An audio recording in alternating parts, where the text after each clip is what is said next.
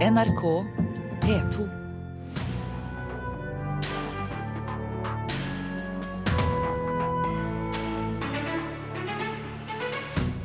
Som du nettopp hørte i Dagsnytt, justisministeren har altså kalt inn pressetopp til oppklaringsmøte på eget kontor fordi han fikk kritikk. Tok privatskolen Westerdals ulovlig høye skolepenger? Det skal diskuteres i Stortinget i dag. Og folk må slutte å bruke ordet naturlig som utelukkende positivt. Det mener blogger og kjernefysiker Sunniva Rose, som møter lege og forfatter Berit Nordstrand til debatt. Her i Kulturnytt om noen minutter.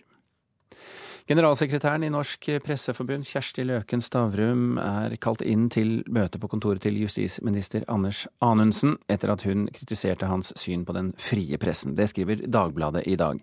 Venstre-leder Trine Skei Grande mener Anundsen forsøker å kneble en kritiker. Løken Stavrum sier det ikke er naturlig at møtet finner sted hos ministeren selv.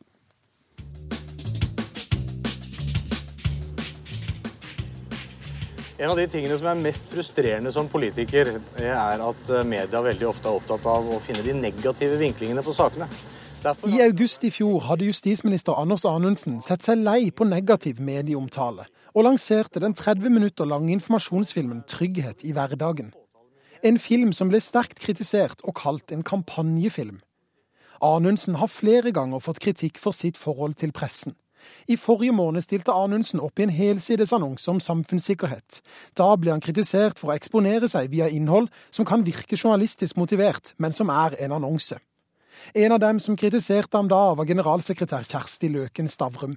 Anundsen er nå lei av negativ omtale. Av å finne de negative vinklingene på sakene. Den 16. mars i år sender Anundsen et brev til pressetopp Kjersti Løken Stavrum, forteller avisa Dagbladet, hvor han ber om et møte med henne for å klargjøre det han kaller en misforståelse om hans syn på den frie pressen. Han skriver videre i brevet. Jeg mener den frie kritiske presse er et grunnleggende fundament for ethvert demokrati. Jeg mener også at den samme friheten til ytringer skal være selvfølgelig for enhver borger av dette land, statsråder inkludert. I Dagbladet i dag får Anundsen kritikk fra bl.a. Venstre-leder Trine Skei Grande, som mener Anundsen forsøker å kneble en kritiker. Også Arne Jensen i Norsk redaktørforening reagerer på brevet. Løken Stavrum sier dette om brevet hun har mottatt. Jeg tenker at det kan være en god anledning til å, å ta en prat Eh, og, og avklare hva vi mener.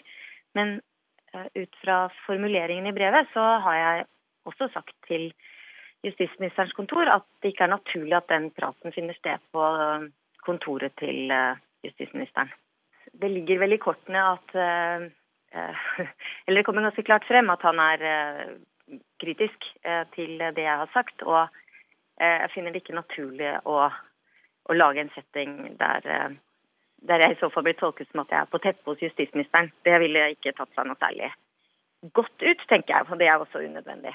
Anundsen selv sier til Dagbladet at han ikke forstår kritikken, og at det er malplassert å se på dette som noen form for innkalling til møte, snarere en vennlig invitasjon. Han mener det er hans rett og plikt til å ha dialog med aktører som Løken Stavrum. Det har ikke lyktes NRK å få en ytterligere kommentar fra Anundsen i dag. Reporter her, det var Christian Ingebretsen. I dag blir privatskolen Westerdals Oslo Act tema i Stortingets kontroll- og konstitusjonskomité. Der skal det klargjøres om Kunnskapsdepartementet har forsømt seg mens skolen tok ulovlig høye skolepenger, fikk uberettiget statsstøtte og muligens har tatt ut ulovlig utbytte. Tidenes skoleskandale. Kravene mot den private skolen Westerdals øker. Nå krever Kunnskapsdepartementet tilbake over 50 millioner kroner Saka om privatskolen Westerdals Oslo Act har gått høyt og lågt i media de siste månedene. Ulovlig høye skolepenger, mulig ulovlig utbytte og en melding til Økokrim fra Kunnskapsdepartementet for å ha tatt imot statsstøtte for skolelinjer som ikke var godkjente av staten. I dag blir saka tema for Stortingets kontroll- og konstitusjonskomité. Eh, det er mange ubesvarte spørsmål her. Ifølge stortingsrepresentant for Arbeiderpartiet og saksordfører i kontrollkomiteen, Jette Christensen, kan kunnskapsminister Torbjørn Røe Isaksen forvente seg å bli grilla. Hvorvidt statsråden har opplyst Stortinget riktig, hvorvidt han har hatt muligheten til å stoppe et lovbrudd, og hvorvidt han har fulgt opp Stortingets vedtak om at alle skolepenger og statsstøtte skal komme elevene til gode. Det er altså flere sider ved saka som skal belyses. Kort fortalt er det i hovedsak nummer én handsaminga av at det blir tatt ut 105 millioner fra skoleselskapet til konsernet, noe som blir sett på som ulovlig utbytte. Komiteen skal se på departementets handsaming av denne saka. Eh, det er veldig eh, spesielt å kunne, å kunne se gjennom fingrene eh, på en sånn type informasjon. sånn at dette her er viktig å få klarhet i hva som egentlig har skjedd. Og nummer to at Kunnskapsdepartementet ikke har gått gjennom drifta av statsstøtta skoler. Selv om Riksrevisjonen ba om det allerede i 2013. Dette er jo ting som starta under rød-grønn regjering. Ja, og da blir det satt i gang, eh, satt i verk et arbeid for å skjerpe tilsynene. Eh, dette er noe som det ikke ser ut til at departementet nå har fulgt opp. I komiteen sitter òg Frp-mann Helge Thorheim, som mener høringa er unødvendig. Vi følte ikke behov for det. Vi følte vel kanskje vi hadde stort sett det informasjonsmaterialet som var tilstrekkelig for at saken kunne gå til Stortinget. Hva ser du for deg eh, å få ut av høringen i morgen? Nei, altså det, For det første det er hvordan den konstruksjonen har vært uh, når man tar ut uh, midler fra skolen. Hva var bakgrunnen? Hva forsto departementet? Isaksen ville ikke svare på Christensen sin kritikk i går kveld, men sier han ser fram til å svare på alle spørsmåla fra komiteen i dag. Reporter her, det var Maria Piles Svåsand. Styret i Stiftelsen for en kritisk og undersøkende presse, SKUP, politianmelder i dag en ansatt. I går kveld ble det kjent at sekretariatslederen sa opp stillingen med umiddelbar virkning. Årsaken er at revisor fant avvik i regnskapet på nesten 43 000 kroner. Styreleder Jan Gunnar Furuli sier at de nå ønsker å få klarhet i hva som har skjedd. Det er jo en uh, sak som uh, stiller oss i forlegenhet i forhold til uh, våre donorer og støttespillere. Kan det være mer omfattende enn det dere vet? Eh, vi har nå satt i gang en detaljert gjennomgang for å fastslå det totale omfanget. Eh, det som er slått fast, er jo altså at eh, dette nå handler om 40, litt over 42 000 kroner. Det vi gjør nå, er å gå tilbake og se på sammen med revisor da, går inn og ser på en del ting som er bokført. Og vi prøver å Eh, kvalitetssikre eh, og sjekke ut eh, om hva som eventuelt er, er ført feil. Og da har sekretariatslederen uttrykt vilje til å rette opp det, og sagt at han vil tilbakebetale eventuelle beløp som vi kan dokumentere er feilført. da. Sa Jan Gunnar Furuli i SKUP. I dag er det pressekonferanse i kirken i det gamle og nå fraflyttede Sant'Orsola-klosteret i Firenze i Italia, og det var der, da de gravde opp gulvet, at de fant levningene etter Lisa Gerardini. Hun mange mener er modellen for selveste Mona Lisa. Kunsthistoriker Tommy Søbø, velkommen til Kulturnytt. Takk. Hva vil de kunne fortelle oss i dag, egentlig? Ja, gudene vet. vet. Jeg, jeg eh, var inne og sniktittet litt på, eller forsøkte å skaffe meg oversikt over, over hva de har kommet fram til per nå. Og hodeskallen hennes er jo ikke funnet, meg bekjent. Eh, hvis man i det hele tatt vet at det er Lisa Gerhardini som ligger der. Det er 85 sjanse, var det siste jeg fikk vite. Eh, og, og, eh, det er klart at Hvis man hadde hatt hodeskallen, så kunne man sammenligne med maleriet. Og så kunne man kanskje ut ifra det se har kunstneren tatt seg her noen friheter ved hjelp av dataanimasjon osv. Og, så videre, og veldig sånne subtile systemer. Så kunne man se liksom på den kunstneriske skapelsesprosessen. Se selveste Leonardo i eh, kortene, så å si. Jeg tror det er litt av fascinasjonen for dette her. Men det er jo bare det at det maleriet som henger i Louvre, er jo antageligvis ikke et portrett av, av fru Gerardini. Men her strides de lærde? Det gjør de, men de aller siste tekniske undersøkelsene, veldig avanserte, som er foretatt av eh, Mona Lisa i Louvre, viser at det er et annet bilde under det Mona Lisa som vi ser i dag. Og det er av en atskillig yngre dame. Og det kan jo være denne opprinnelige Lisa som de nå kanskje har eh, gravd frem. Det kan jo også være en helt annen person? Eh, vel, Vasari, som er den første kunsthistorikeren som skriver eh, kunstnerbiografi, han sier jo at eh, Leonardo malte dette bildet. Og det kan tid... Det var han som skrev rett etter, altså sånn 30 år etter? 30-40 år ja. etterpå, så vel, vel. Men nå har man også funnet en annen veldig spennende eh, sånn notat uti, sånn som noen av oss driver og skriver notater i bøker, og det var da en tekst av Cicero eh, som er trykket da på tidlig 1500-tall, og så er det en som har skrevet ute i teksten. Eh, Cicero skriver noe om kunst, og så skriver han ute i teksten ja, men dette er jo nesten sånn som i maleriet til Leonardo da Vinci av Lisa eh, Gerardini. Men hva er det ved denne saken som, som fascinerer så mange nær sagt over hele jordkloden? Ja, altså For det første så tror jeg bildet i seg selv har noe hemmelighetsfullt ved seg. Jeg tror Leonardo ville fryde seg om man eh, var vitne til alt dette rundt, eh, rundt, bildet. Fordi det er slørete. Man snakker jo om sfumato. Denne litt sånn hemmelighetsfulle, mørke Noe av det skyldes aldring, selvfølgelig. Men han hadde en måte å male på hvor det hemmelighetsfulle så å si var en del av selve maleriet. Og det var ikke veldig veldig sånn mye snakk om det i samtiden. Men på 1800-tallet, det var jo da Leonardo da Vincis Mona Lisa slo igjennom. Da ble hun den hemmelighetsfulle kvinnen. Hun ble vamp kampen. Hun ble eh, femme fatale. Eh, lord Byron skrev om henne. Hun ble, fikk da en status som hun ikke hadde hatt tidligere, og som hun da selvfølgelig har beholdt fram til i dag. Er du sikker på at det kommer noe gøy i dag? Ja, det tror jeg. Og jeg tror i hvert fall det at det blir gøy for oss sånne som oss, som kan da spekulere. Jeg tror f.eks. ut fra det jeg nå vet, at dette kan være en parafrase over Madonna, altså over jomfru Maria. Og at de to fingrene som, som eh, Mona Lisa har, eh, holder rundt armlenet, de er stukket inn i en bibel. Ser man nærmere på det. Og hvem er det som leser i en bibel? Jo, det er Mona Lisa når engelen kommer og forteller at hun er fruktsommelig. Dette er før og etter eh, bebudelsen. Og eh, undersøkelser viser at hun er fremstilt som en slags Madonna i den første versjonen. Det er mitt tips. Vi får kalle deg inn igjen senere på dagen Tommy Sebe, for å høre om det treffer eller ikke. Takk for at du kom til oss i denne omgang. Takk. Klokken har passert 15 minutter over åtte. Du hører på Kulturnytt, og dette er toppsaken i Nyhetsmorgen nå. Favorittene seiret i New York i natt. Hillary Clinton og Donald Trump vant overlegent i nominasjonsvalgene der. Bergen kommune skal finne ut om den kunne gjort noe annerledes etter at en barnehageansatt har tilstått overgrep. Kommunen skal granske om rutinene var gode nok. Og dødstallene kan komme til å stige kraftig i Ecuador. 1700 er savnet etter jordskjelvet.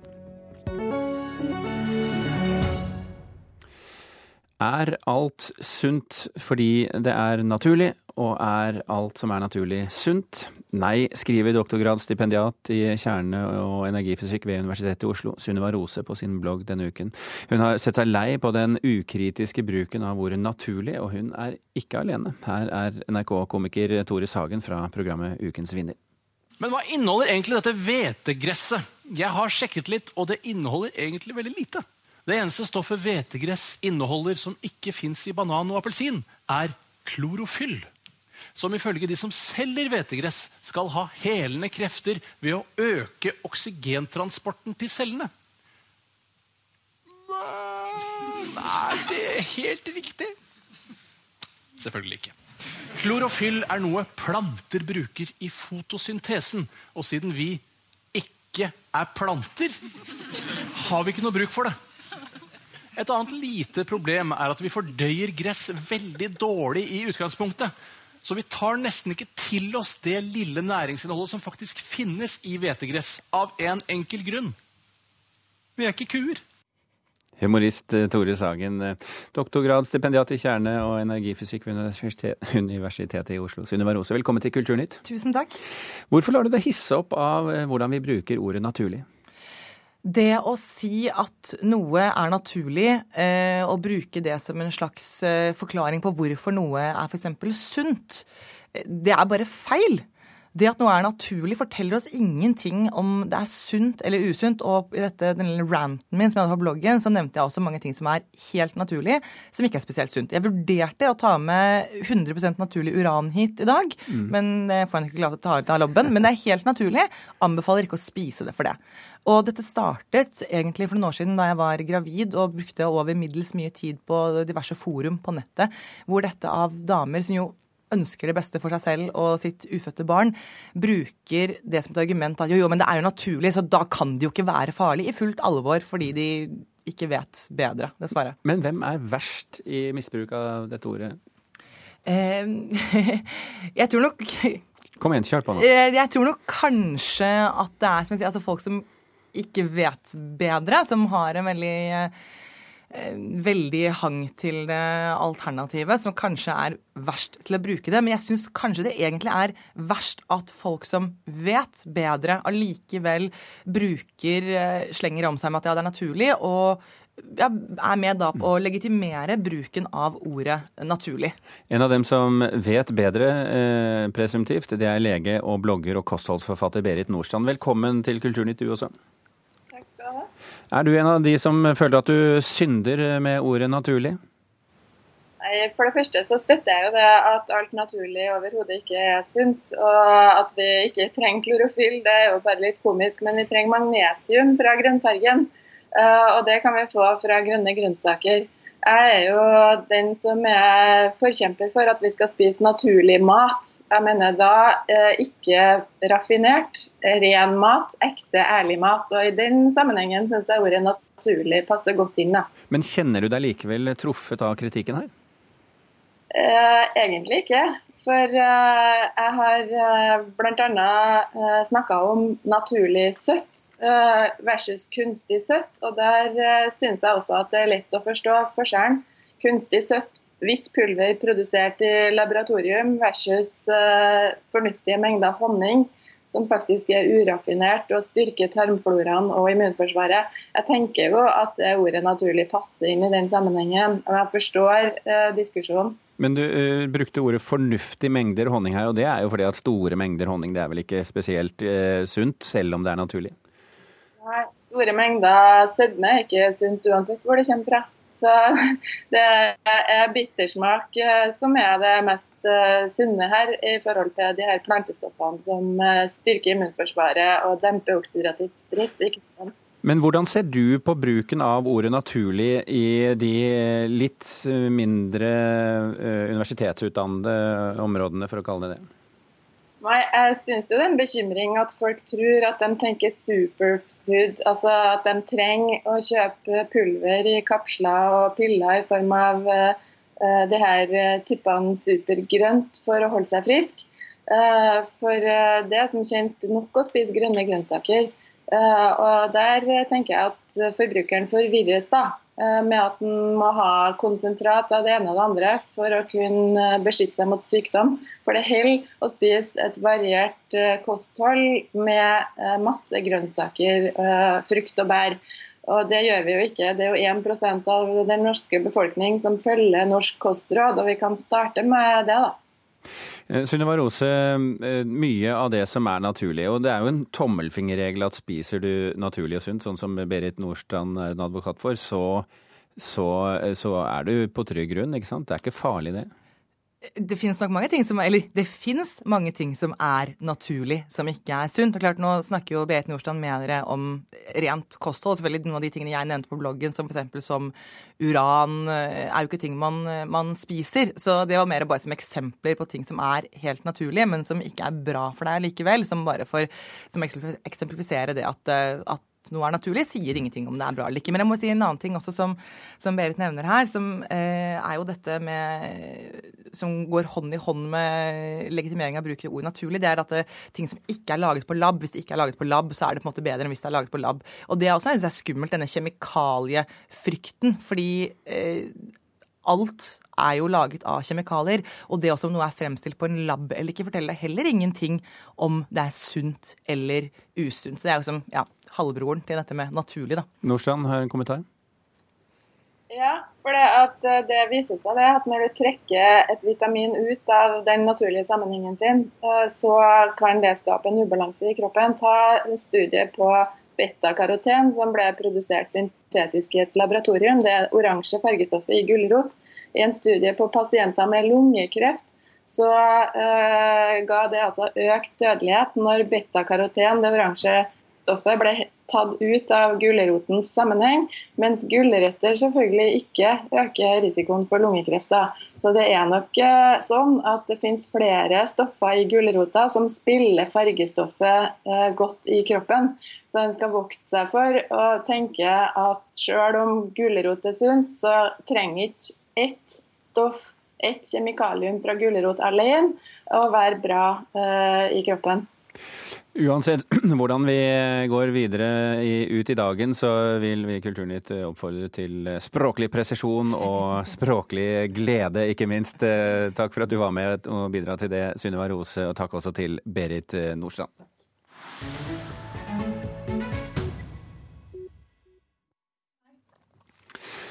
Flemming Rose, kulturredaktøren i Jyllandsposten, som for snart elleve år siden ba tolv danske avis- og karikaturtegnere å tegne profeten Mohammed.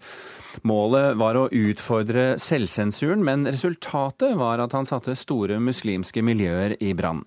Nå er han ute med sin andre bok på norsk, 'Hymne til friheten', skrevet til tiårsmarkeringen for karikaturstriden i fjor. Bokanmelder Leif Ekle, 'Hymne til friheten'. Det det lyder nesten pompøst? Ja, det er en krafttittel.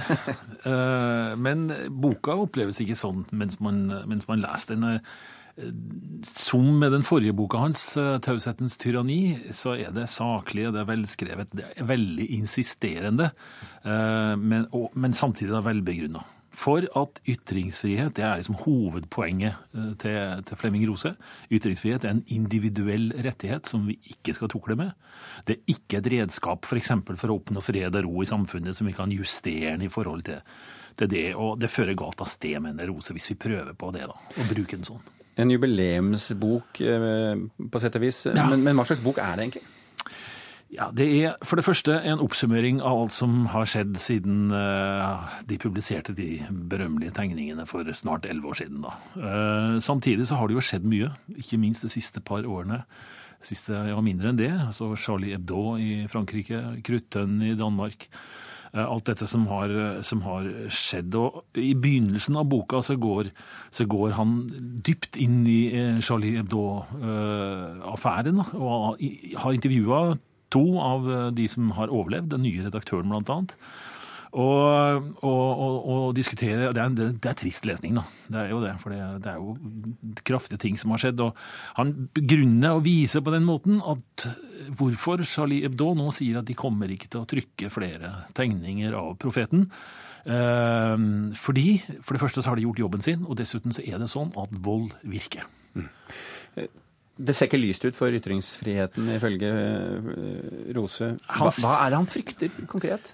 Han frykter at vi er i ferd med å viske ut det gamle skillet mellom ord og handling. At vi er så redd for ordet, eh, hatefulle ytringer, sterke ytringer, at vi kobler dem til eh, en sånn følgenødvendighet. At det kommer handling bak, og det mener han er galt. Og eh, han altså, å gjøre det vi gjør nå, at stadig flere eh, land får nye lover mot uh, bestemte former for ytringer. Det er veldig mange. altså, Vi hørte jo senest på nyhetene i går at det skal bli forbudt å snakke om uh, i, i, Russland skal bli forbudt å snakke negativt om annekteringen av Krimhalvøya. straffbart. Fem år. men samtidig at det blir veldig vanskelig å sette grensen for hva som skal tåles og hva som ikke skal tåles, hvis vi går lenger enn det minimalistiske, som man kaller det. Nemlig å si at vi forbyr ingenting annet enn oppfordring til vold. Men dette er jo et, eh, en, en, en bastant påstand at ytringsfrihet er viktig. Ja. Er, er, det å egentlig slå, eh, slå, inn åpne dører? Ja, det er jo egentlig det. Eller det burde vel kanskje være det. Eh, Flemming Rose argumenterer jo sterkt for at dette er en helt basal eh, forutsetning for det demokratiet og det, det åpne, liberale samfunnet vi har. Eh, men samtidig så Det som skjer, er jo at eh, grensene flyttes. Eh, og som en følge av frykt. ikke sant? Det som går igjen flere ganger, de to ordene vold virker. Rose holder fram et menneskesyn der vi betrakter mennesker som voksne og, og ikke barn. Som tåler å ta stilling til det som er rundt dem. Blir det en suksess, tror du? Den burde iallfall bli lest av mange. Man trenger ikke være enig i alt som står her, men uh, om den blir det Jeg tviler litt. Den forrige Det er en bevegelse vekk fra denne veldig prinsipielle holdningen som Rose har, og det er kanskje synd. Mm. Leif Ekle, takk for at du kom til Kulturnytt. I disse dager eh, avslutter BBC innspillingen av reality-serien Ice People Life on the Edge. Siden september i fjor har eh, britene fulgt ti av innbyggerne i Longyearbyen på nært hold. En av dem som portretteres, er Mariann Dale. Du, hva er det du styrer med nå? Nå holder jeg på å steke selbiff. Hvordan trives du på kjøkkenet? Jeg, jeg elsker å lage mat, det gjør jeg. Men uh, det har blitt litt for mye nå, så uh, noen dager så tenker jeg kan jeg bare stikke av. Jeg stenger kjøkkenet og så bare stikker jeg av. så det, det, er klart. Det er mye i april. Veldig mye. Men i tillegg til at du har mye å gjøre med bedriften din, så har du også hatt et uh, filmteam fra BBC hengende i, i Hærland. Hvordan har det vært? Eh, det har vært eh, veldig morsomt, for det er veldig trivelige, trivelige folk. Veldig hyggelige folk, men det har vært veldig slitsomt. Så noen ganger så må du si 'jeg orker ikke i dag'. Jeg klarer det ikke. For det, det er snakk om noen ganger så er det snakk om mange timer. Og det er klart at du skal jobbe samtidig som du da skal være oppe og gå. For det må du jo være når du sier ja til å være med på noe sånt. Så må du jo være oppe der. Du må gi så mye av det sjøl at etterpå, si når de har filma f.eks. syv timer så har du ingenting. Da er det som lufta går ut av deg, for at du har brukt alt av det sjøl. Hvorfor sa du ja til å være en del av eh, serien? God markedsføring. Rett og slett? Rett og slett, ja. Og det er jo ikke bare for meg, det er jo for hele Svalbard så er det jo kjempebra. Hva slags bilde håper du dem formidler av lokalsamfunnet her? Jeg har jo sett, De har vist meg noen snutter og jeg syns det så veldig bra ut. Det er i hvert fall som jeg, de viste meg her tidligere. Det var en snutt fra alle sammen da. Så eh, jeg tror det vil bli et veldig bra bilde av Svalbard. Serien den kommer på, på TV-en til, til, høsten. Hvordan blir det å se seg sjøl på TV-en? Jeg vet ikke om jeg orker å se på. Jeg hater å se meg sjøl på TV. Reporter på Svalbard, Rune Norgård Andreassen. Hør flere podkaster på nrk.no podkast.